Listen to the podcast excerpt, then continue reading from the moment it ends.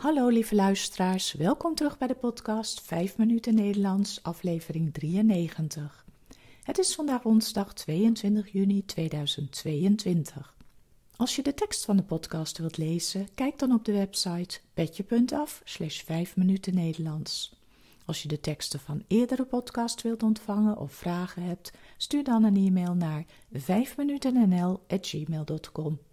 Mijn naam is Carolien, ik ben taaldocent op de universiteit en woon in Leiden. In deze podcast vertel ik iets over mijn leven, over wat ik de afgelopen dagen heb beleefd of iets over de Nederlandse taal en cultuur. Aflevering 93 Werelderfgoed in Nederland. Het is bijna zomervakantie en misschien ben je wel van plan op vakantie naar Nederland te gaan. Vandaag wil ik in de podcast iets vertellen over het werelderfgoed in ons land. Met werelderfgoed bedoelen we de culturele of natuurlijke monumenten die heel bijzonder en eigenlijk onvervangbaar zijn.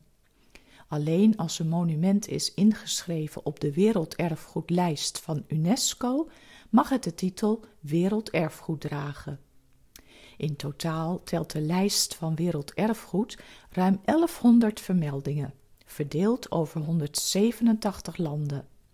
Nederland kent 12 vermeldingen op de werelderfgoedlijst, waarvan 11 in Nederland en 1 op Curaçao. Het zal je niet verbazen dat veel vermeldingen op de werelderfgoedlijst van Nederland te maken hebben met water en waterbouwkunde. Zo staat de Hollandse waterlinie op de lijst. Dit is een systeem van verdedigingswerken rond de stad Amsterdam en dat loopt van het IJsselmeer in het noorden tot de Biesbos in het zuiden, over een gebied van wel 85 kilometer in totaal. Het centrum van het land werd zo beschermd door een netwerk van 45 forten, die samenwerkten om polders tijdelijk onder water te kunnen zetten door een ingewikkeld systeem van kanalen en sluizen.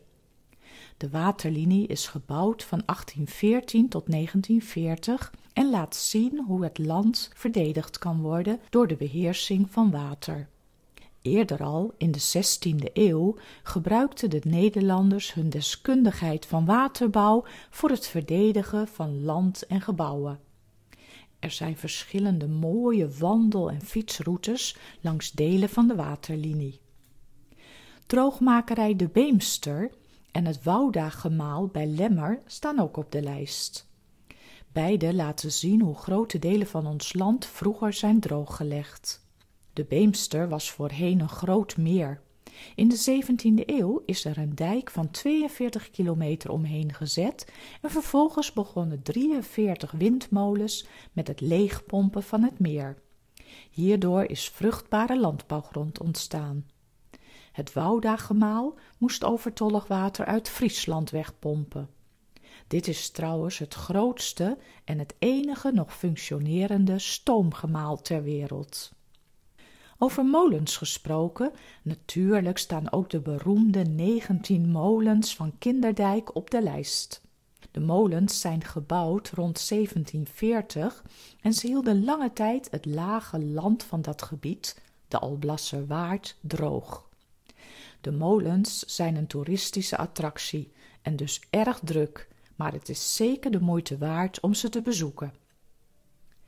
Op de Nederlandse Antillen behoort de historische binnenstad van Willemstad op Curaçao tot werelderfgoed. Willemstad was eind 17e eeuw een centrum van de handel in slaven voor heel Amerika. De stad ontwikkelde zich daarna tot een Caribische havenstad met invloed van allerlei verschillende culturen.